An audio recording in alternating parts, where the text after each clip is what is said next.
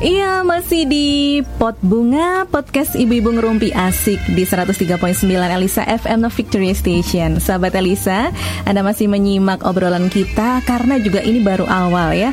Sudah terhubung dengan Dokter Purba. Dokter ada di Kediri ya, Pak Dokter ya? Iya betul di Kediri Jawa Timur. Halo, selamat sore Pak Dokter Purba, apa kabarnya? Selamat sore, Iya. baik-baik, luar Akhirnya biasa. ya kita bisa ngobrol soal bagaimana diet sehat. Ini gara-gara ada drakor ini deh, apa nah bukan Korea. drama ya. uh, TV series Korea ya. Karena Ya. memang wanita itu apa ya? Kalau dibilang pengen langsing, pengen langsing, walaupun kesehariannya tiap detik ngemil terus gitu. Hmm. nah, ini saya pengen mengajak sahabat Elisa untuk ngerumpi di sore hari ini. Memang kenyataannya, kalau saya boleh bilang itu seorang istri, kalau sudah menikah, kemudian melahirkan, itu bawaannya pasti deh nggak bisa langsing seperti semula. Saya rasa mungkin hanya seribu satu orang yang bisa begitu ya, yang bawaannya memang dari sononya itu memang ya makan seberapa pun tetap aja kurus gitu, tetap langsing. Tapi yang sedemikian itu tuh sedikit bisa dihitung. Nah, saya termasuk orang yang pasti akan melar kalau makan dikit aja ngemil gitu. Minum air putih aja melar mungkin. Bercandaannya begitu. Nah, ini pasti juga merupakan satu hal yang diinginkan oleh setiap wanita terutama yang sudah menikah pengen tampil cantik pengen tampil ya walaupun tidak selangsing dulu tapi tetaplah badannya itu lebih enak dilihat. Nggak pengen juga terjadi seperti yang ada di TV series itu Pak Dokter Purba di mana Iya. suaminya selingkuh kemudian melirik wanita lain begitu. Nah kira-kira Pak Dokter Purba punya resepnya nggak ya tentang diet yang sehat untuk sahabat Elisa yang mendengarkan podcast ini. Diet. Kira-kira Ya. apa perlu diet atau harus bagaimana, Pak Dokter? Ya sebelumnya kita harus tahu ya definisi diet itu apa, Ya. supaya nanti tidak salah paham. Ya Mhm. dipikir diet itu nggak boleh makan ini atau nggak boleh makan itu atau sering puasa dan sebagainya. Iya. ya. Jadi eh, diet itu adalah pengaturan makan, ya pengaturan makan baik jenisnya maupun jumlahnya Mhm. sesuai dengan tingkat kesehatan orang itu. Ya. Jadi kalau misalnya dia sehat ya dietnya diet seimbang. Tapi kalau dia ada penyakit misalnya diabetes atau jantung, hipertensi, Mm-mm. maka dietnya adalah yang sesuai dengan kemampuan tubuh dalam mengolah karbohidrat. Ya. Oke. Jadi diet itu adalah pengaturan makanan, ya, Mhm, bukan mhm. mengurangi makanan demi langsing. Wah, nanti ini salah yang, nanti. yang Kalau sering terjadi begitu ya. ya ada Hmm. orang itu eh dia ada memang ada seorang teman, ya ini laki-laki kebetulan memang tinggi dan juga gemuk waktu itu Mhm. dan dia kurus tuh mungkin dalam waktu tiga bulan memang kurus banyak. Hmm. Dia hanya makan roti gandum itu satu lembar pagi, Uh. siang satu lembar, Mhm. malam satu lembar Waduh. gitu. Dan memang kurus, Mhm, tapi mhm. ini kurusnya karena kurus kelaparan ya. Jadi Nggak sehat mungkin. ya. Nah, nggak sehat Mm-mm, karena mm-mm. kembali kita itu eh, menurut Kemenkes ya. Jadi kita nggak lagi mengenal namanya empat sehat lima sempurna ya, Mhm. tapi sekarang namanya pedoman gizi seimbang. Pedoman gizi seimbang. Oke, nah, itu yang akan kita ya. bahas hari ini sih Oke, sebenarnya. iya, Detailnya iya. nanti bagaimana. Jadi kalau kita bicara tentang diet ya kita harus tahu ilmunya gitu. Mm-mm. Jangan ngawur, jangan sembrono. Nanti kalau ngawur malah justru nggak nggak dapat. Iya. Mungkin kurusnya dapat tapi malah justru dapat penyakit ya. Mm-mm. Karena kita ini ada beberapa tipe tertentu ya secara genetik tuh memang ada namanya gen gendut. Ya, Ah. gen gendut ini orang yang Iya. memang secara genetik dia gendut. Kayaknya Nah, saya deh ini kalau makan dikit aja udah gendut deh, Dok. eh, saya pernah eh, tes Mhm. genetik ya untuk Mhm. nutrisi namanya nutrigenomik ya kalau nggak salah. Nutrigenomik. Mhm. Ya, atau ya pokoknya itulah. It- Itu soalnya nyebut nama merek ya nggak enak. Oh, gitu. Jadi intinya itu eh, tes genetik untuk Mhm. eh, yang berhubungan tentang nutrisi. Jadi Iya. ternyata orang itu eh, ada secara genetik gemuk dan Mhm. saya waktu itu saya merasa oh saya kayaknya ini genetik saya gemuk nih ya karena ibu Hmm. saya ya gemuk dikit sih. gitu Iya. kan.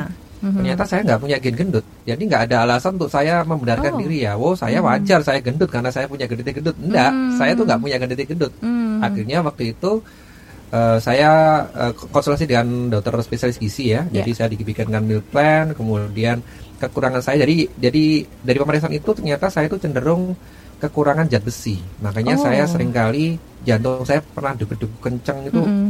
Jadi kalau malam tuh susah tidur karena jantungnya degup-degup gitu ya. Hmm, iya, Nah, iya. uh, waktu itu saya sampai waduh saya apa mau mati ya gitu ya. Tapi ternyata setelah saya minum suplemen FE tiga hari ya sembuh. Hmm. Tapi berapa bulan kemudian gitu lagi. Tapi sekarang Iya. sudah enggak Mm-mm. gitu. Mm-mm. Jadi karena kalau kita menghindari misal menghindari nasi atau Iya. apa ya. Kalau dulu dia saya ngurangi nasi. Jadi nasi itu sama sekali nggak ada. Ya itu salah, memang turun. Iya, iya. Mhm. Tapi dia kita kita nggak nggak seimbang Mhm. gitu. Mhm. Karena otak ini juga butuh glukosa kan, butuh Iya, gula. Betul betul. Nah kalau gulanya nggak ada gimana? Mm-mm, mm-mm. Gitu. Jadi kita harus eh, diet ini ada ilmunya dan Iya. eh, jangan sembrono tapi juga jangan Mm-mm. dibikin ribet gitu loh. Ya Iya, simple aja. Betul. Nah ini.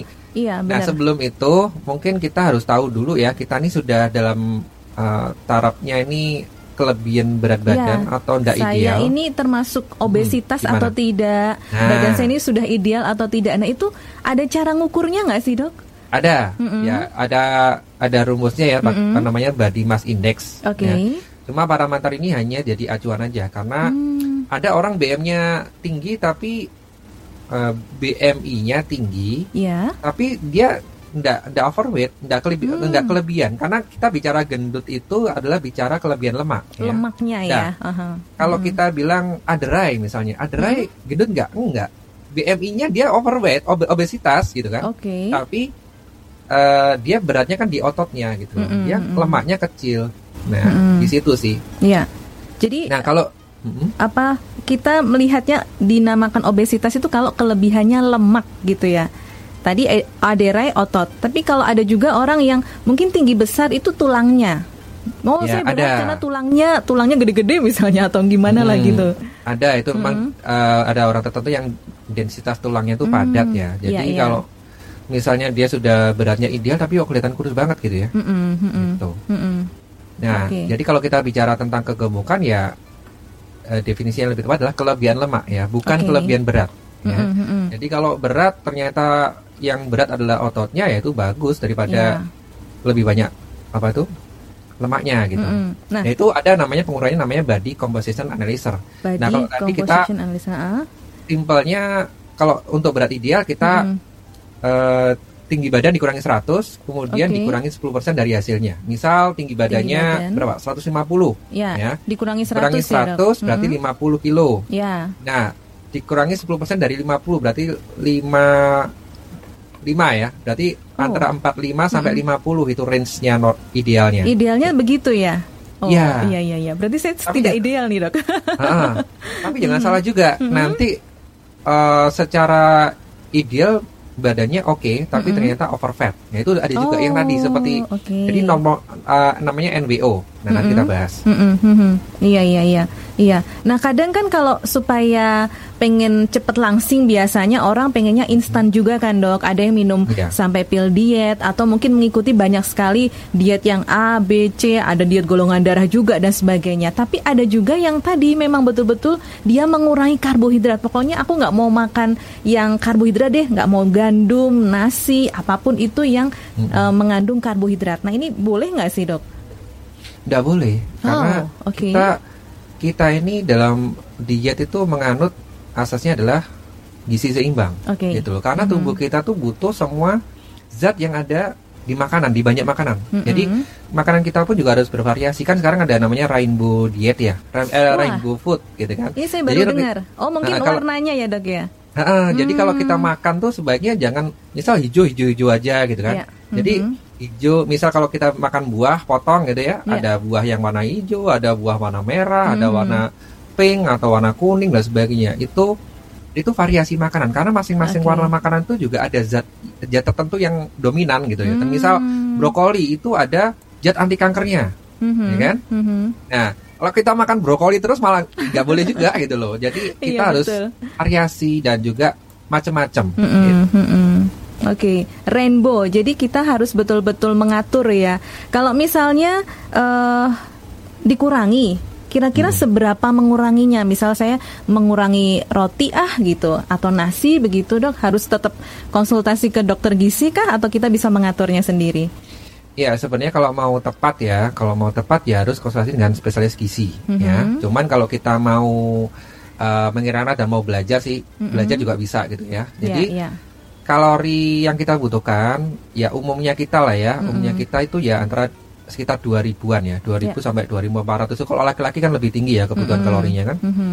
Nah, kalau perempuan mungkin 1800 lah ya, 1800 Oke. sampai 2000. Mhm.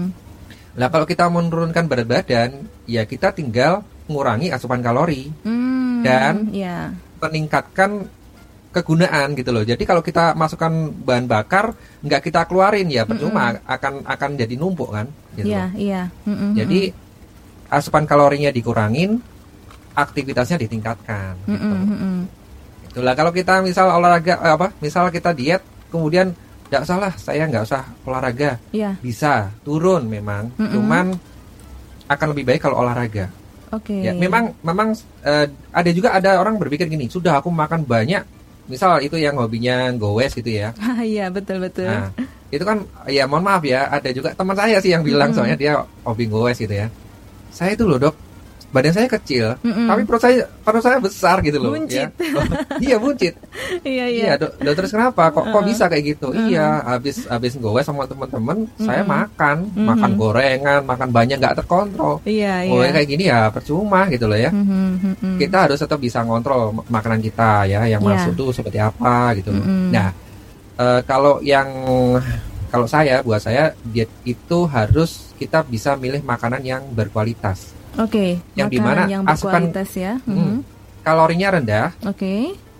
eh, zat gizinya bagus gitu loh. Mm-mm. Jadi misal kalau kita bicara soal nasi, Mhm. nasi putih sama nasi merah atau nasi hitam, Iya. yang paling bagus saat ini adalah nasi hitam itu superfood. Hmm. Mhm. Jadi superfood itu eh, makanan yang kualitasnya di atas rata-rata dari produk sejenis gitu. Jadi gini, semakin hitam sebuah beras Oke. itu semakin tinggi antioksidannya gitu. Oh. Jadi oh, antioksidannya tinggi Ya. beras Mhm. hitam itu. Selain Mhm. itu juga ada dia tinggi serat. Mhm. Kemudian indeks glikemiknya juga rendah. Mhm. Artinya ketika kita makan kita tuh nggak gampang eh, lapar karena Mhm. indeks glikemiknya rendah. Jadi glukosa dipecah pelan-pelan gitu. Ya, ya. Mhm, mhm. Nah, Seperti itu. nggak gampang lapar, tapi biasanya Hmm. dalam otak kita kan masih yang, aduh, ada makanan enak nih, pengen nyemil nih gitu. Nanti kalau apakah jaminan nih dok, kalau sudah makan nasi hitam tadi, beras hitam tadi tuh betul-betul memang kita berkurang atau tetap kita harus pola pikirnya kita ubah juga gitu? Ya, tetap yang paling utama adalah pola pikir sih ya. Mm-mm. Kita harus mengubah pola pikir ya. Mm-mm. Cara hidup kita yang lama dengan cara yang baru gitu ya. Itu Iya. merubah pola pikir. Mhm. Jadi kitalah yang harus mengontrol apa yang masuk ke mulut kita. Hmm. Jangan salahkan orang misal lah mama sih Masakin masakin enak. lalu eh, masakan yang enak. Misal Mhm. eh, istri misal kalau saya misalnya Iya. suka apa bikin kue-kue yang enak ya nggak bisa Ah, disalahkan orang Ini lain. dia. Ya, kita yang harus ngontrol Iya, gitu iya. loh. Ya memang kadang-kala kita tuh eh, akan diet kalau kita tuh sudah kena penyakit biasanya ya. Atau kalau misalnya mungkin dokter tadi kayak kayak di TV Gimana? seriesnya tadi itu kalau suami sudah selingkuh baru diet. Nah, itu Jangan alasannya kan kuat gitu. kan? Gitu. Iya, alasannya kuat. Mm. Padahal dia mungkin sudah mencoba berbagai macam cara diet tapi Mhm. tidak berhasil. Mm-mm. Tapi begitu ada alasannya kuat, wah ini balas dendam nih gitu ya. Atau dengan emosional yang tinggi. Iya, iya. Nah, kalau saya eh, saya menjalankan diet itu memang nggak nggak saya kontrol sih waktu itu. Mm-mm. Mulai Agustus Mm-mm. 2020 Mm-mm. saya saya sering makannya adalah beras beras merah. Beras Kemudian merah, mulai oke. September saya ganti beras hitam. Mm-mm. Waktu itu berat badan saya sudah turun ke dari 108 ya, perkiraan Uh. 104 sampai 108. Nah, saya nggak Mm-mm. saya saya sedih soalnya lihat berat badan saya gitu ya. Kok eh, susah turun, nah sudahlah nggak nggak pernah nimbang Itu saya sampai aib timbangan gitu ya, rusak ya? ya. Oke, ya oke. gini, problemnya Mm-mm. kit- eh, kami ini ya orang-orang yang tahu kesehatan kan, tapi Mm-mm. ternyata banyak juga yang eh, apa ya istilahnya kita tuh kayak gajah di belangkoni itu iso khotbah Iya. rasa ngelakoni gitu Iya. ya. Tahu Bener tapi ini. nggak ngelakoni gitu ya dok ya? Iya. Mm-mm, mm-mm. Jadi waktu itu eh, waktu saya kuliah tuh ada senior saya Mm-mm. eh, sama pasien, ibu, ibu tahu nggak, ibu kenapa sakit jantung? Mhm. Kenapa dok? Ibu obesitas. Hmm. Nah pada senior saya tuh obesitas. Obesitas. itu. Waduh, saya tuh sampai eh, tertawa tuh takut dosa. Oh, terus kemudian saya tanya teman-teman juga, kamu kalau kalau ngasih saran ke apa ke pasien gitu, Mm-mm. gimana?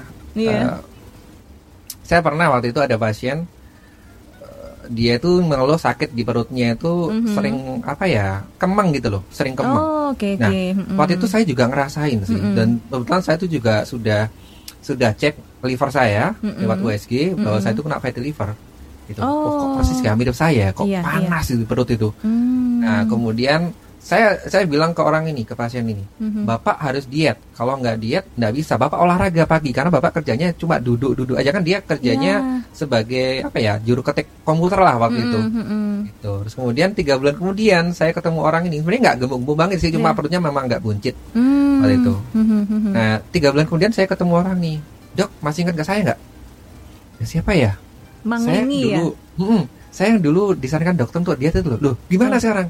Iya saya sudah sehat dok. Saya ikuti dokter olahraga pagi. Wah luar biasa dok. Saya sudah sudah nggak sakit lagi. Hmm. Saya pelongo-pelongo gitu. Oh.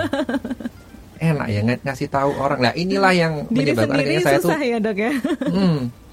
Akhirnya saya, wah saya ini anu ya kayaknya munafik gitu jadinya kayak orang munafik kan tahu Mm-mm. Jadi sebenarnya ilmu kayak gini itu kan sudah rahasia umum ya Iya. bahwasanya kalau kita Mm-mm. tuh mau diet Mm-mm. ya cuma mengontrol makanan dulu karena Mm. 80% eh, penyakit tidak menular itu karena makanan gitu mm-mm, mm-mm. karena karena makanan gitu Iya, memang iya. ada pemicu lain memang Mm-mm. secara genetik misal punya apa diabetes misalnya Iya. tapi diabetes kan dipicu juga kalau dia sudah punya bibit kan karena makanan juga Makanan ya betul. Mm-mm. nah gitu Mm, Nah, tadi Dokter Purba mencoba makan nasinya diganti nasi hitam ya dok ya. Mm-mm. Lalu bagaimana dengan yang lainnya?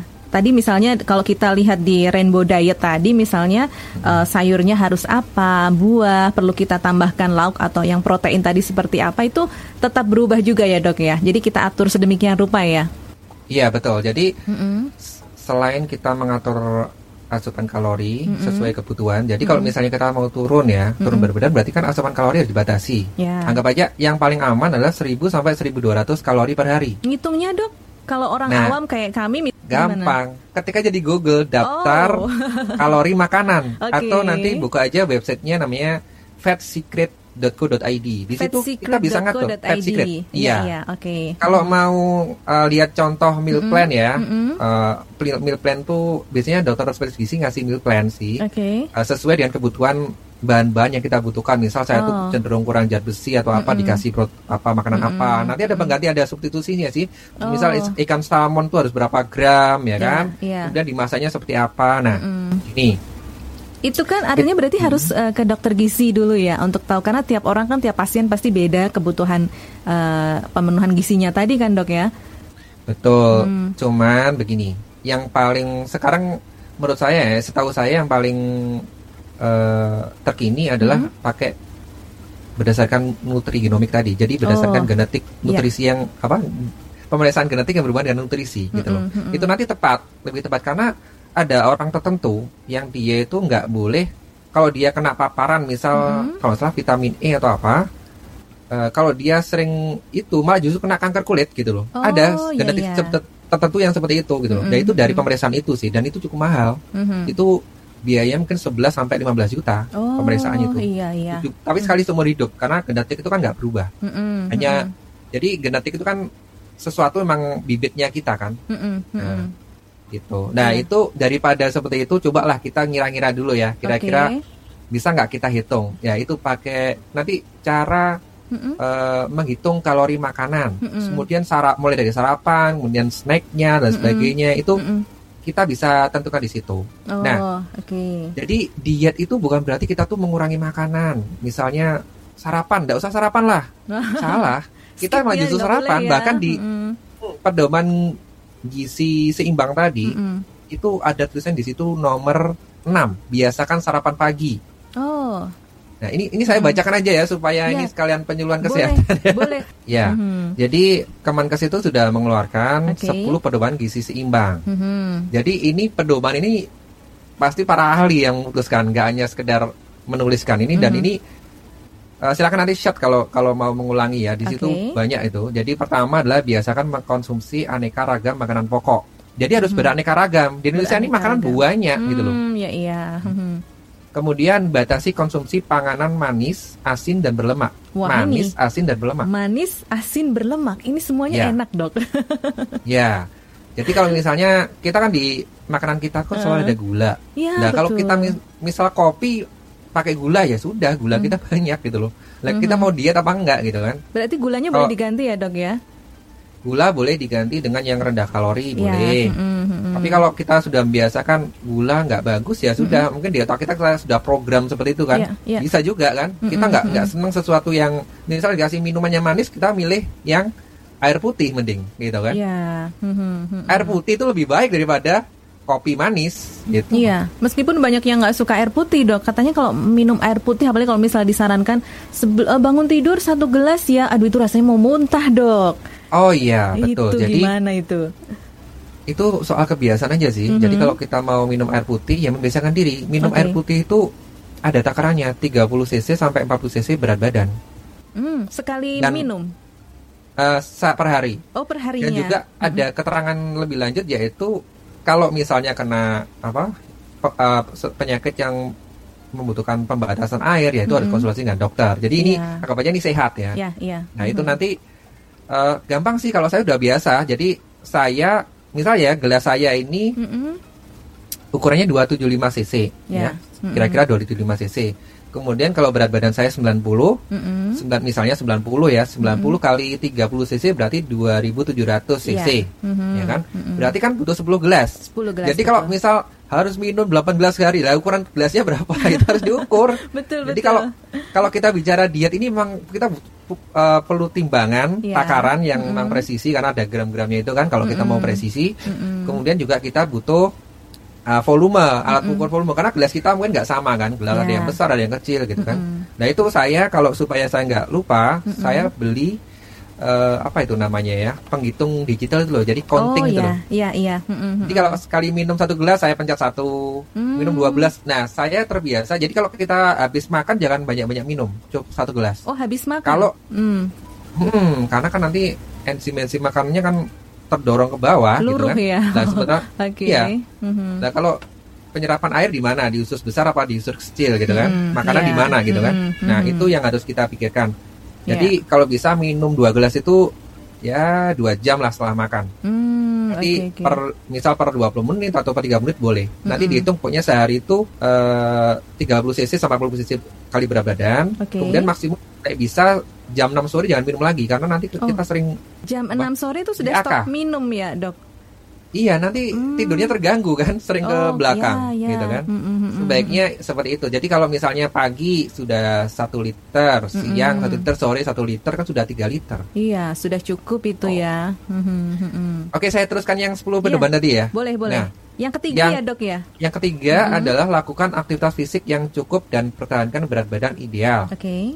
Yang keempat adalah biasakan mengkonsumsi lauk pauk yang mengandung protein tinggi. Hmm, ya. ini nih. Jangan yang goreng-gorengan ada tepung digoreng waduh coba aja di di Google ya Iya. kalau tep- tepung digoreng tuh jadinya hasilnya gimana Waduh. Gitu ya. Menakutkan.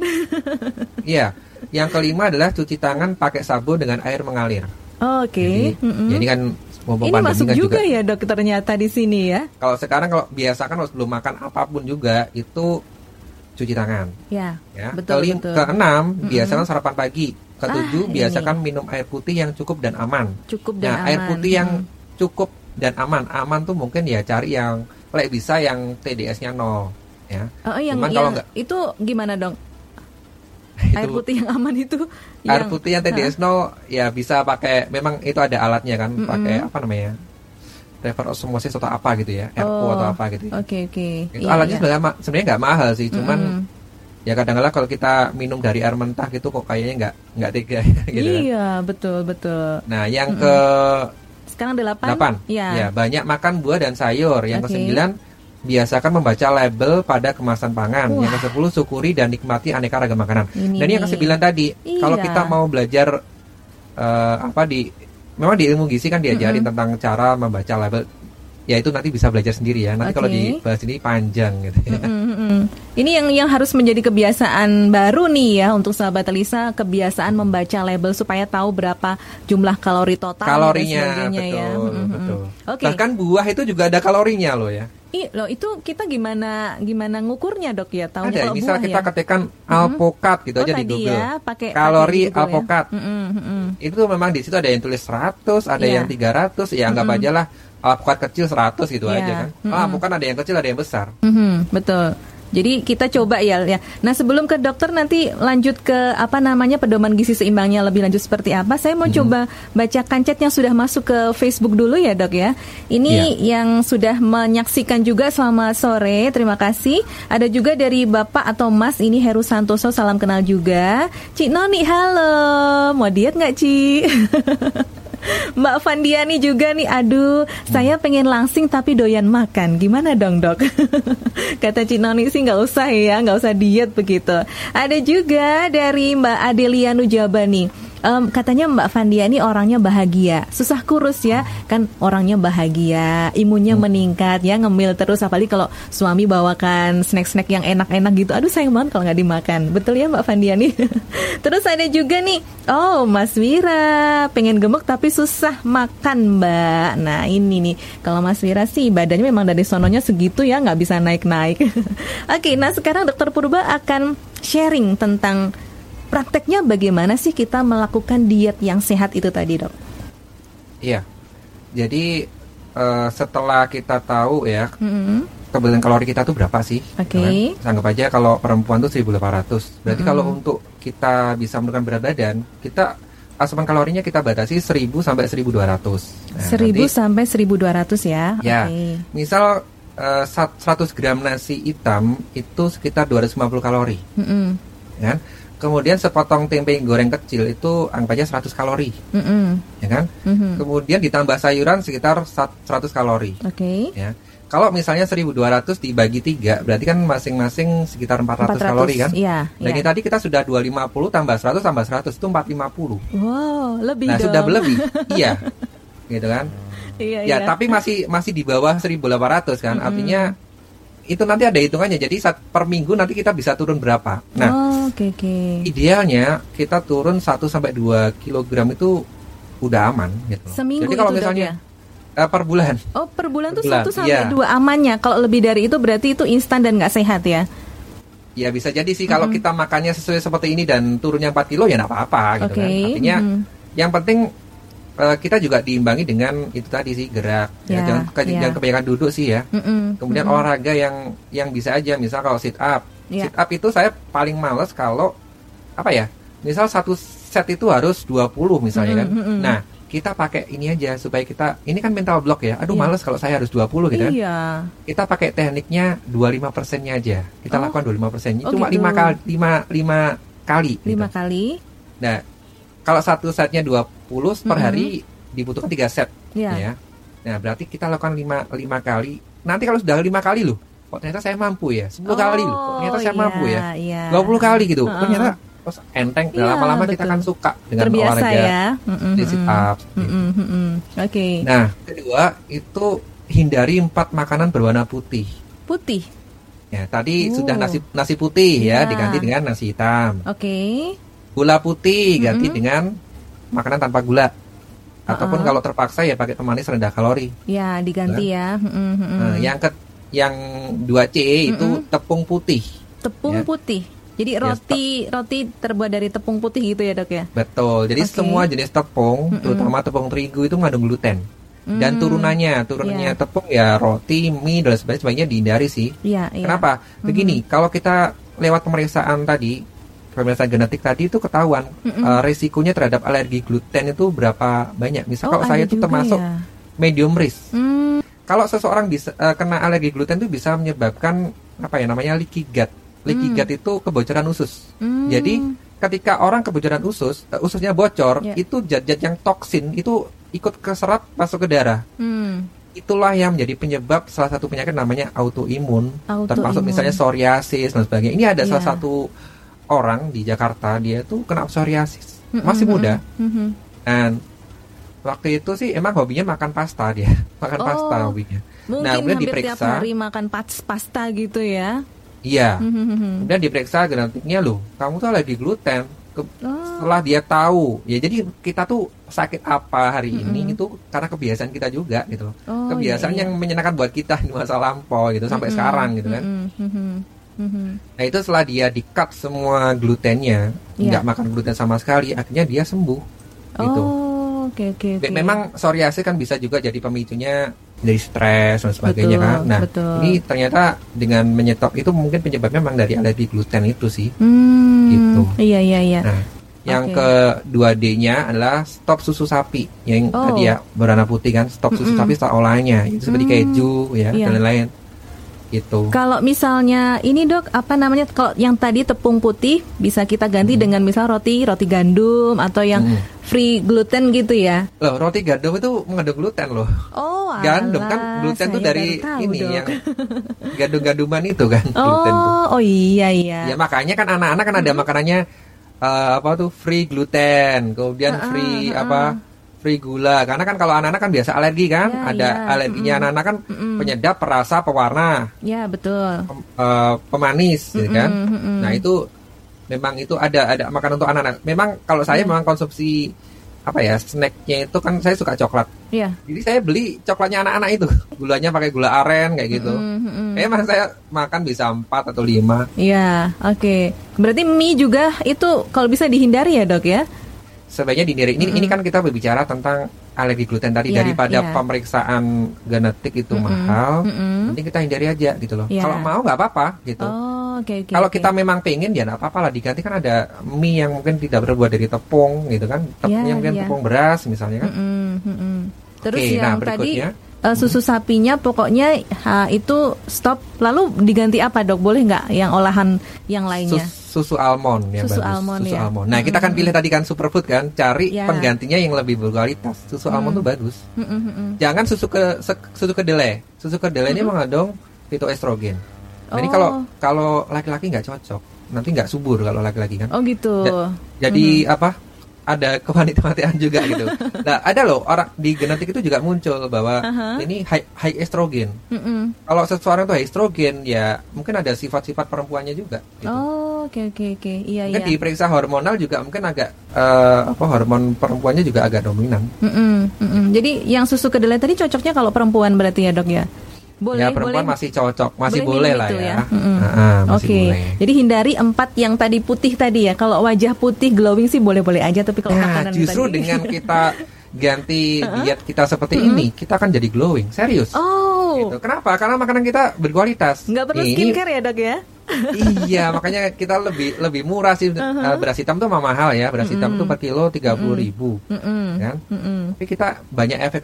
Kita juga nanti misal kita nggak perlu asuransi. Misalnya, ya, kalau saya dulu berpikir gini, Iya. sudahlah nggak apa-apa saya makan banyak, sakit toh juga Mm-mm. ada asuransi Ada kan. asuransi, saya, hmm, saya waktu itu ikut unit link. Mhm. Eh, satunya yang model eh, nanti balik 100% gitu kan. Iya iya. Saya bayar, Mhm. ternyata kalau saya sakit itu juga tetap bayar karena Iya. kan sistemnya kan per hari. Mm-mm, mm-mm, Nah, mm-mm. Ketika saya tahu itu, oh iya ternyata pola pikir saya salah ya. Saya Mhm. selama ini mengandalkan asuransi eman-eman ya kalau nggak dipakai untuk diklaim gitu ya. Iya betul. Nah it- akhirnya eh, ya sudah saya lepas semua eh, apa tuh kenyamanan saya dengan asuransi itu. Mm-mm. Ya, saya beralih ke cara hidup sehat ini. Iya, dibelanjakan untuk makanan-makanan yang berkualitas gitu ya dok ya. Betul. Jadi Hmm, kalau oke. kita eh, kalau bisa ya makanan kita tuh pilih cara pengolahan makanan yang sehat. Jadi misalnya Hmm. hindari gorengan dan bakaran, ya, gitu kan? ya iya. Dikukus lebih baik, dikukus lebih baik.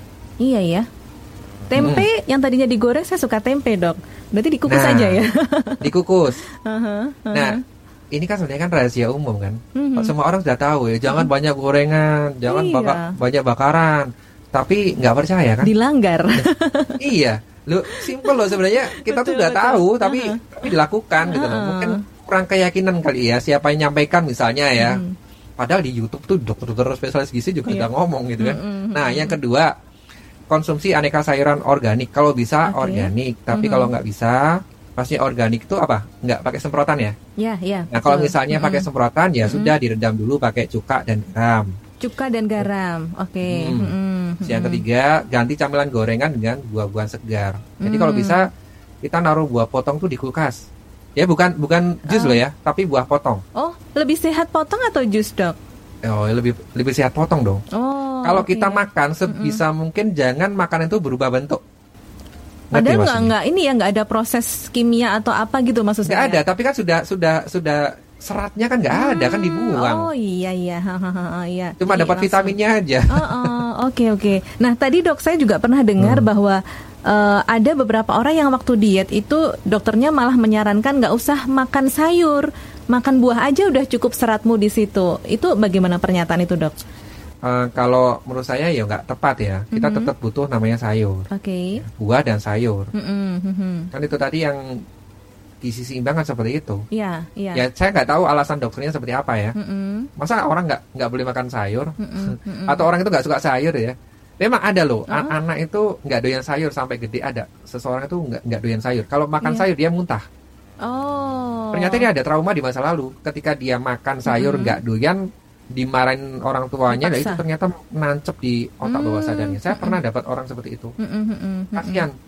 Saya kasih nasi pecel yang dimakan cuma apa tuh cambahnya. Sayur yang Oh. hijau-hijau nggak dimakan. Yang. Mm-mm, mm-mm, mm-mm. Iya iya. Terus kemudian eh, tadi mengenai garam. Oke. Garam itu maksimal 5 cc per hari ya sekitar satu sendok makan Mm-mm. eh satu, satu sendok teh ya. Mm-mm, mm-mm.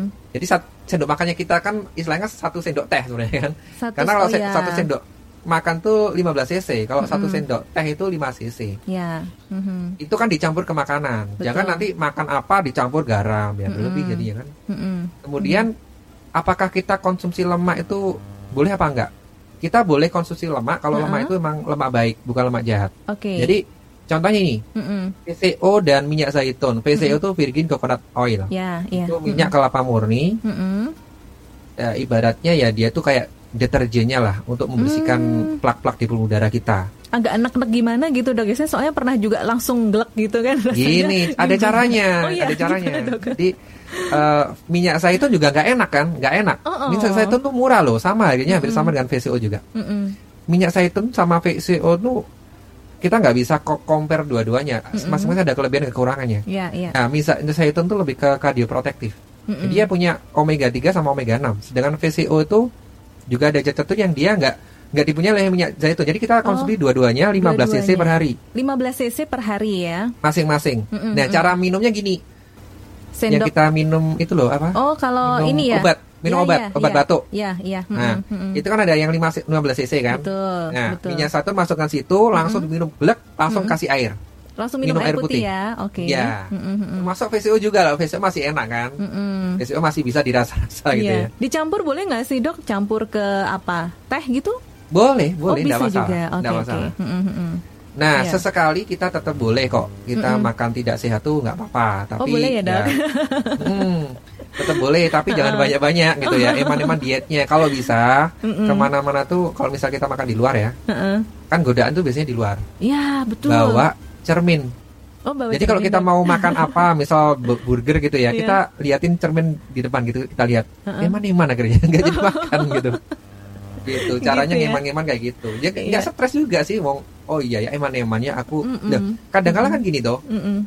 Eh, kita kan butuh dijiwit orang lain juga kan. Ayo. Iya betul. Remis, ayo nganu gitu. Perlu kita butuh orang lain. ya dok ya. Nah, ini cermin ini barat orang lain juga kan. Iya, Aduh, iya. eman-eman ya gitu. Mm-mm, mm-mm. Oke oke iya iya iya. Cheating boleh sesekali gitu ya dok ya. Kalau laut Boleh, pauk tap- gitu gimana dok? Katanya ada yang eh, lebih bagus ikan air laut daripada air tawar. Betul nggak dok? Eh, menurut saya lebih baik kalau emang punya alergi ya biasanya pakai Mm-mm. ini aja air tawar aja gitu Oh ya. oke oke. Gitu. Eh, eh, nggak apa-apa sih ikan air laut juga nggak masalah gitu. Kan. mm-mm. Dua-duanya bagus kok. Mm-mm. Oke. Ikan ah, i- ikan itu lebih baik daripada eh, daging merah. Kalau Daging daging, merah, itu cenderung menyebabkan peradangan atau inflamasi. Mm-mm. Mm-mm. Jadi proteinnya bisa diambil dari telur misalnya atau dari Oke. ikan. Itu harus ada. telur. Nah kalau kita makan cuma sayur sama Uh-uh. nasi ya kurang. Iya, kuning telur gitu dok, boleh ndak ya? Boleh, boleh. Boleh ya. Mhm. Oke oke. Mhm. Itu proteinnya dari situ ya kita ngambilnya ya. Nah Betul. terus misalnya di gini, eh, mungkin ada yang mungkin kalau anak kos atau ibu-ibu yang mau praktis gitu sarapan, Mhm. ya udah saya makan sosis atau makanan olahan gitu, boleh nggak ya dok? Nah itu Mm-mm. termasuk makanan olahan itu sebaiknya kita hindari. Kita Oh. jangan ini intinya gini. Mhm. Kita bisa melihat kan makanan ini diolahnya panjang nggak? Mhm, Sebisa mungkin kita makan makanan itu yang fresh dan tidak diolah tanpa Hmm. olahan. mhm, mhm. Jadi kalau kita misal makan daging ya daging dimakan fresh. Hmm. Jangan yang daging sudah diubah jadi sosis atau dibu- diubah bentuk jadi apa gitu. Memang Mhm. enak. Gennya makanan itu kalau sudah Mhm. berubah bentuk dia kan berubah. Iya, iya betul. Maksud zat gizinya juga berubah. Mhm. Antara daging segar sama sosis gizinya lebih tinggi mana? Lebih banyak lemaknya daripada proteinnya kan. Padahal Iya. kan dari daging kan kita dapat proteinnya. Mhm, mhm. Kita cari proteinnya kan. Ya, ya betul betul. Gitu. Mhm, mhm. Oke, jadi hi- dihindari yang namanya makanan olahan Olahan. ya, junk food Ya. gitu ya dok ya. Junk Itu food, Dihindari. ya. Oke oke. Apalagi ya dok ya kira-kira yang harus kita perhatikan dalam mengkonsumsi makanannya? Dari cara makannya sekarang. Oke. Cara, makan ini ternyata penting loh. Mhm, mhm. Jadi eh, orang kalau makannya cepet-cepet biasanya jadi gampang lapar. Gitu. Atau sambil nonton ya dok? Bisa biasanya nonton sambil nonton makan gitu dok? Eh, kalau sa- sambil nonton makan biasanya malah kelamaan makannya kan. gitu. Apalagi ngunyahnya agak lama mungkin ya. Oh, Iya iya iya. Itu mungkin nggak gampang lapar mungkin ya. Oke. Cuman kalau secara medis Mm-mm. kalau mengunyah itu minimal 32 kali. Ya ya. Jadi pelan-pelan saja dinikmatin, nggak usah sambil-sambil apa-apa, sudah sambil nikmatin gitu ya. Mhm, mhm. Ma- Jadikan makanan itu juga refreshing gitu loh. Iya. Hiburan kita sekalipun mungkin nggak enak gitu. Ya enak sih. Sebenarnya kan gini ya, contohnya ada orang nggak suka nasi merah atau nasi hitam. Ya. Nasi hitam itu akan enak kalau direndam dulu selama 6 jam. Oh gitu, berasnya Yes. direndam dulu selama 6 jam baru dimasak Ah, gitu ya. Mhm, Itu untuk menghilangkan zat-zat lain yang di luar gizi, Iya. sama juga membuat rasanya jadi pulen. Nah ini banyak orang nggak tahu. Iya. Saya dulu juga nggak tahu. Mm-mm, Aduh, suruh makan nasi merah gak enak banget. Sekarang saya justru nasi hitam kan lebih gak enak lagi kan. Iya, Justru iya, sekarang saya belum malah saya sukanya nasi hitam. Mm-mm. Oke oke. Begitu lihat nasi putih itu saya, aduh, nggak tahu otak saya sudah berubah gitu. Iya, heeh. oke. Kita coba Jadi- deh ya dok ya. Hmm, termasuk kita tadi mengunyah, Mm-mm, itu tuh kan di jadi pencernaan itu kan dimulai dari mulut sebenarnya kan. mm-mm. Bukan dari usus loh ya, dari mulut. Ya. Dan rasa enak itu cuma di mulut sebenarnya. Nah, yang sehat itu Setelah dimulai itu? dari kerongkongan sampai bawah. Ah itu dok, betul. Enak di mulut aja ya. Abis itu buat badan nggak sehat ya dok ya. Iya betul. Mm, mm, mm, Nah kalau kita sudah tahu ini nggak sehat, kenapa kok kita lakukan itu namanya kan bodoh gitu kan. Nah, itu sudah katakan bodoh-bodoh buat diri kita sendiri ada apa-apa kan daripada orang lain ngatain bodoh. gitu. Iya betul betul. Nah. Kalau kita makannya pelan-pelan, maka respon yang diterima oleh otak itu, otak itu kan memberi jaw- jawabannya gini, cepat kenyang. Mm-mm, Jadi, mm-mm. Kalau kita pelan-pelan ya, karena eh, otak itu akan mengirimkan sinyal kenyang ke perut kalau perut sudah bekerja mengolah makanan paling tidak 20 menit. 20 menit, oke. Ya, Mhm, mhm. kalau sudah 20 menit biasanya sih sudah terasa ini nggak nggak gampang lapar gitu. Mm-mm, mm-mm. Nah kalau ngunyahnya cepat, makanan jadi masuk semua, Mhm. ukuran lambungnya jadi besar, Iya. kan? Metabolismenya dipaksa untuk cepat itu malah justru membuat kita jadi gampang lapar. Hmm, Gitu. betul betul betul. Iya iya iya. Oke. Yang Jadi kedua, Heeh. gunakan piring yang kecil, piring yang kecil. piringnya yang kecil. Mm-mm. Yang ketiga, potong makanan jadi kecil-kecil. Jadi misalnya kalau kita mau lauk, lauk itu kan butuh satu potong tadi kan Ya. satu potong tahu misalnya atau tempe itu kan 100 kalori. Mm-mm, Udah. mm-mm. Eh, potong kecil-kecil aja supaya nggak nambah nanti kita bisa loh biasanya kan tiga lauk gitu kan Nah, iya. tiga lauk sudah 300 kalori Iya betul. Nah, nggak tahu lah potongannya seberapa nanti kalau mau persisnya ditimbang aja iya nah iya oke. yang keempat adalah batasi nikmati dan imbangi Batasi, nikmati, dan imbangi, Oke. jadi kalau misalnya kita habis makan bakso waduh Mm-mm, mm-mm. aku habis makan bakso nih berarti Iya. ya nikmatin aja Mm-mm. tapi batasin nggak usah banyak-banyak nikmatin kemudian imbangi Hmm. oh berarti kan butuh sayur ya aku Iya. berarti ganti sayur dan buah gitu Mm-mm, mm-mm. imbangi dengan sayur dan buah Oke. Nggak apa-apa sesekali kita makan nggak sehat nggak apa-apa Iya iya. oh juga kita tuh nggak mungkin loh ya oh iya aku habis makan apa tiba berat badan dum besar enggak lah berat badan itu juga naiknya tuh bertahap turunnya Ah. juga bertahap gitu loh Iya iya betul. nggak mungkin langsung mau nambah satu kilo dua kilo nggak mungkin Mm-mm. memang kalau kita habis makan banyak ditimbang pasti berat Ya. makanya kalau mau nimbang idealnya adalah setelah pagi mungkin setelah BAB setelah Mm-mm. BAK kita timbang itu lebih ideal Oh iya iya, jadi tahu gitu. Tapi nimbang tiap hari gimana dok? Nanti, aduh kok belum turun banyak ya, terus kita stres justru stres ya terus gini aja Heeh. kita tuh turun berat badan kan 1 sampai 2 kilo per bulan Mm, ya. boleh nimbangnya di awal bulan Mm. Ya terus kemudian ditimbang lagi di akhir bulan atau awal bulan berikutnya gitu aja Oh iya iya. biar nggak stres gitu loh Iya, jangan tiap hari ya. jadikan makanan kita jadi obat kan jadi kebiasaan Mm, betul betul. Gitu. Iya iya. Oke oke sip sip. Terus apa lagi nih dok? Katanya kalau orang ini ya, eh, saya termasuk sebenarnya yang sering begadang sih dok. Nah Mm-hmm. teman saya pernah menyarankan jangan terlalu sering begadang. Nanti dietmu itu nggak akan berhasil, nggak akan turun-turun tuh karena kamu begadang. Itu bener nggak sih dok? Sebenarnya kalau untuk hubungan hubungan langsungnya saya kurang ngerti ya Mm-mm, tapi mm-mm. kalau begadang itu kan otomatis tubuh kita waktu detoksifikasi kan nggak Mm-mm. jalan terganggu kan harusnya misal ha? Heeh, itu jam berapa relief. sih dok? mulai jam 11 malam 11 malam ya, oke. misal Mm-mm. ginjal jam berapa liver jam berapa dan sebagainya kan Hmm, mm-mm. ya kalau kita biarkan aja jadinya lama-lama kita bisa kena gagal hati gitu kan Iya iya. bisa kena gagal ginjal juga Mm-mm, mungkin mm-mm, mm-mm. gitu. Jadi kalau kita mau bicara kerja, kerjakan itu jam kerja, jangan di luar itu. Oke dok. Jadi kalau waktunya istirahat, istirahat. Istirahat Eman-eman ya. tubuhnya kan kita kan juga Mm-mm. cuk- harus cukup istirahat, harus Mm-mm. cukup olahraga, Mm. ya kan? Asupan gizinya cukup gitu. Iya. Mm-mm. Mm-mm. Oke, jadi jam 11 itu kalau bisa di bawah itu sudah tidur ya dok ya, nggak boleh begadang gitu ya. Ya, sebaiknya jam 10 malam lah. Mm-mm. Oke. Kan tidur idealnya kan 8 jam. Mm-mm. Mm-mm. 7 sampai 8 jam lah ya. Mm-mm. Nanti kalau jam 10 malam tidur, jam 5 pagi bisa bangun. Ya. Tapi kenyataannya kan kalau kerja di rumah misalnya kan bangun jam 7 pagi. Iya, karena ma- bekerja sampai malam biasanya kan. Ini mentang-mentang di rumah gitu. Jadi ya kerjanya kadang malah over sih menurut Ya, saya putus. ya. Kemudian apa lagi nih dok? Ya jadi kalau kita mau diet yang benar, Mm-mm. coba deh kita kan tetap butuh karbohidrat. Ya. Karbohidratnya diambil dari nasi hitam. Nasi hitam Mm-mm. itu banyak kelebihannya, Mm-mm. banyak dia tinggi tinggi serat. Serat itu kan kita butuhkan untuk apa? Untuk menurunkan berat badan. Mm-mm, Ya. mm-mm. Kemudian juga tinggi antioksidan. Kita butuh Oke. antioksidan itu dari situ. Mm-mm. Nah, kemudian nanti misal sarapan pagi nasi hitam 100 gram, 100 Oke. gram ditimbang kalau mau. Ya. Karena harus pikir oh ya. satu kepal tangan, satu kepal tangan saya ternyata 150 gram. Jadi kalau misalnya sarapan pagi nasi hitam 100 gram ditambah protein seperti telur atau ikan, Mm-mm. ikan ikan kalau bisa, misal mujair lah ya ikan air Ya. tawar kan, itu Mm-mm. fresh Mm-mm. dan juga sayur. Oke. Ya. Sayurnya boleh boleh kalau bisa sih yang nggak di nggak ditumis ya, kalau bisa ya nggak ada minyaknya gitu loh. Rebus-rebus gitu ya. Mm, direbus-rebus. Mm-mm. Kemudian snacknya kalau jam antara sarapan pagi dan Mm-mm. makan siang bisa buah-buahan. Mm-mm. Misalnya Oke. jeruk gitu kan. Ya macam-macam buah, silakan. Mm-mm. Sesukanya apa. Kalau yang kuncinya adalah harus bervariasi. Variasi. Jangan cuma makan buah itu aja. Iya ya. Kemudian makan siangnya nasi hitam lagi 100 gram ditambah Mm-mm. protein apa terserah diganti lagi misalnya apa ikan salmon atau apalah yang Iya. yang makanan Indonesia sehari-hari tidak masalah gitu. Mm-mm, mm-mm. Yang penting itu tadi kalau bisa jangan santan-santanan. ya Iya, kan? iya. Karena Oke. dari lemak dari kelapa tuh bagus, tapi kalau Mm-mm. sudah di dimasak dia kan jadi berubah jadi Iya, jahat. Iya betul betul. Mm-mm. Kemudian snack sorenya buah apa aja boleh, termasuk Buah, buah, ya. manis misalnya mangga manis ya tidak masalah gitu Iya kan. iya. Mm-mm. Kemudian makan malamnya sama kayak tetap nasi hitam 100 gram Mm-mm. tadi. Iya. Ditambah protein terserah silakan. Ta- Kalau saya pribadi, Mm-mm. saya balik. Jadi makan siang, Mm-mm. kemudian makan sore saya. Oh Jadi- makan siang lalu sore.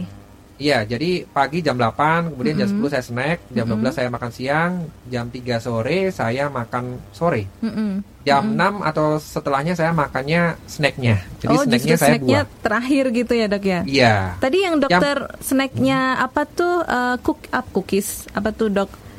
Eh, biskuit gitu boleh ya? Buah diganti itu boleh ya? Boleh tapi sesekali lah, jangan Oke. jangan sering-sering kan itu juga ada coklatnya kan. Mm-mm, mm-mm, mm-mm. Gitu. Nggak Iya. sering-sering cuma satu dua kali aja. Oke iya. Mm. Nggak usah stres ya. Jadi kita setelah kita tahu seperti ini, Uh-huh. bahwasanya diet itu adalah pemilihan makanan yang berkualitas, ya sudah Mm-mm, jalanin mm-mm, aja. mm-mm. Nggak usah banyak mikir-mikir. Iya. Intinya kalau oh saya malas olahraga nggak apa-apa. Mm-mm. Kita ngontrol dulu makanannya. Mm-mm. Setelah itu kita pasti, loh, kok saya mandek ya? Diet saya sudah turun 20 kilo, kok nggak bisa Mm-mm. turun lagi? Ya Mm-mm. mungkin karena antara masukan yang kita makan Iya. sama yang dikeluarkan sama. Oke. Ya sudah, nggak bisa turun lagi. Heeh, heeh. Berarti harus ditingkatkan adalah jangan mengurangi asupan sih, karena kita kan nanti kelaparan lagi. Iya Penting betul. eh, yang energi yang dikeluarkan tuh ditambah. Jadi misal Mm-mm. olahraga gitu kan. Mm-mm, mm-mm. Bisa. Jadi kalau misal bisa nggak turun berat badan tanpa olahraga? Bisa. Awalnya bisa. Mm-mm, Mungkin 10-20 kilo turun. mm-mm, Setelah itu mandek. Mm-mm. Itu ya ditambah dengan olahraga. Olahraga. Mungkin Iya. badan kita sudah kurus tapi perut kita masih buncit. gitu. buncit. Nah ternyata gini loh, orang dengan obesitas sentral atau obesitas yang di start perut itu resiko kematiannya lebih tinggi loh. hmm, iya, Karena iya. eh, di situ kan banyak lemaknya. Lalu lemak ini Mm-mm. mengganggu organ-organ termasuk misal ada Mm-mm. fatty liver dan sebagainya kan ini kan organnya terganggu. Iya, betul, betul. Jadi itu bahaya Mm-mm, Iya. Gitu. Itu yang tanpa kita sadari kita nggak Mm-mm. ngerasa bahwasanya eh, ada sedang ada bahaya mengancam di dalam tubuh Aha. kita.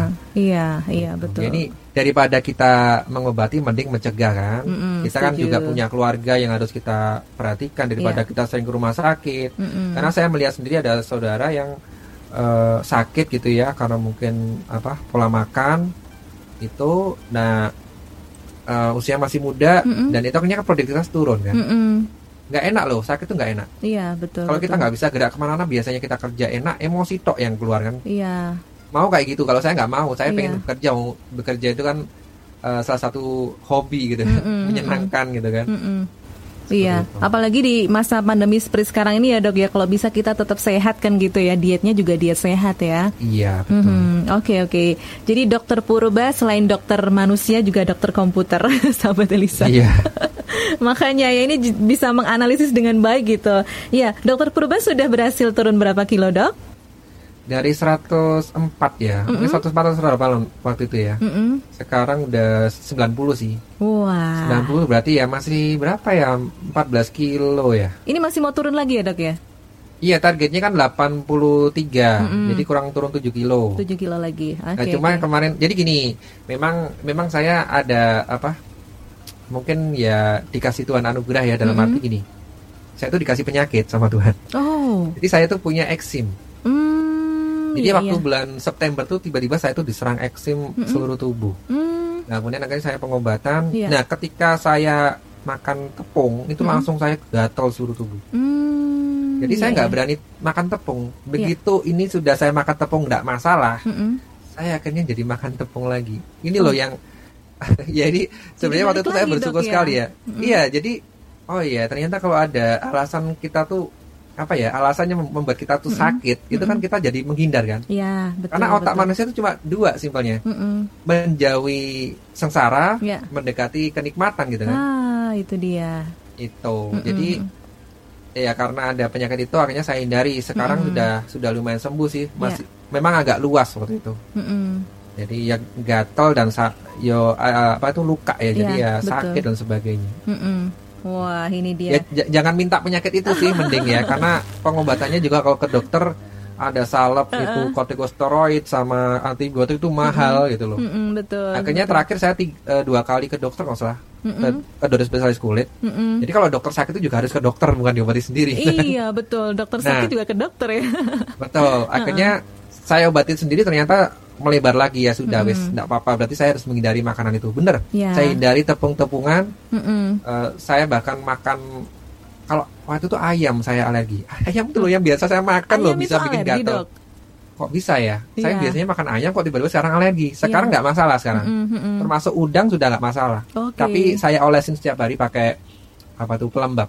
Hmm, Itu iya. sudah nggak gatal sama sekali memang. Iya, Dan iya. sudah mulai mulus memang penggunaannya lama karena kan memang bukan kortikosteroid ya. Ya betul betul. Wah asik banget ini sharingnya Dokter Purba soal bagaimana sih kita tetap diet sehat di masa pandemi ini. Jadi jangan sampai justru imun kita menurun, bahkan kesehatan menurun yang mana nanti virus corona itu gampang banget mendekat kepada kita gitu ya dok ya. Oke pesannya dari dokter buat sahabat Lisa apa Iya. nih dok? Lagi-lagi ya mengubah pola pikir. Oke. Ya. Tetap ini dimulai dari mindset kita. Kalau kita nggak punya alasan yang kuat kenapa kita harus diet, ya wis bablas aja wis. Ya. Eman-eman itu kan hidup-hidupmu juga gitu. Hmm, betul, Maksudnya betul. ini hidup-hidup saya juga. Saya yang harus memutuskan apakah saya itu harus sehat atau saya nanti sakit-sakitan. Karena apa yang kita tabur kita yang tuai kan nanti kan. Betul betul. Mm-mm. Jadi ada ada seseorang orang ini udah tua banget waktu ditanya apa yang membuat bapak kok nggak pernah sakit-sakitan gitu kan? Mm-mm. Karena waktu muda saya menjaga makanan. Saya nggak mau makan yang enak-enak. Oh iya iya. Ini iya. seorang profesor waktu itu ditanya di apa tuh waktu acara makan jamuan makan gitu ya. Mm-mm, mm-mm. Nah, dia nggak ngambil makanan yang aneh-aneh, dia cukup ngambil makanan yang memang nggak banyak juga kalorinya dan sehat. Orangnya Oke. masih berpikir cerdas gitu. Mm-mm. Udah tua, mungkin usia 85-an lah Mm-mm. gitu. Nah, kita mau nggak seperti itu? Kita panjang hmm, umur ya. Iya, betul. Bukan mati karena ulah kita sendiri ya, gitu loh. Iya, mm -mm. Gitu. Ya mulai sekarang lah kita harus bertanggung jawab terhadap diri kita sendiri. Iya. Jadikan makanan kita sebagai obat, bukan mm-hmm. obat sebagai makanan kita. Oke. Okay. Gitu ya. iya iya. Ini salah satu cara bagaimana kita mensyukuri uh, yang sudah Tuhan berikan yaitu dengan menjaga kesehatan kita ya dok ya. Ya betul. Ya baik, dokter. Ini waktunya sudah tidak memungkinkan lagi. Kita nanti lanjut di seri-seri berikutnya ya, dokter ya. Iya, siap siap. Iya baik. Terima kasih dokter Purba untuk sharingnya tentang bagaimana kita bisa diet sehat, terutama karena wanita pengen langsing ya, walaupun sebenarnya pria juga pengen langsing, apalagi kalau betul. sudah mulai perutnya membuncit ya dok ya. Iya. Jadi tidak enak dilihat deh baik pria atau wanita. Sekali lagi terima kasih Dokter Purba. Ketemu lagi Sama-sama. di episode selanjutnya. Oke, okay, ya. sahabat Lisa, demikian tadi bincang-bincang kita Pot Bunga Podcast Ibu-ibu ngerumpi asik biasa barengan sama Dokter Purba. Beliau adalah owner dari clickhost.com. Anda penasaran atau mungkin mau konsultasi lebih lanjut boleh langsung saja googling clickhost.com k l i k h o s t.com seperti biasa. Dan biasa pamit Semoga tetap sehat saja, sahabat Lisa. Kita menjaga imun kita dan juga tetap melakukan diet boleh, tapi tadi dengan pengaturan gizi yang seimbang tentunya ya. Oke, Wilsa akhiri dan kita ketemu di episode selanjutnya. Bye bye.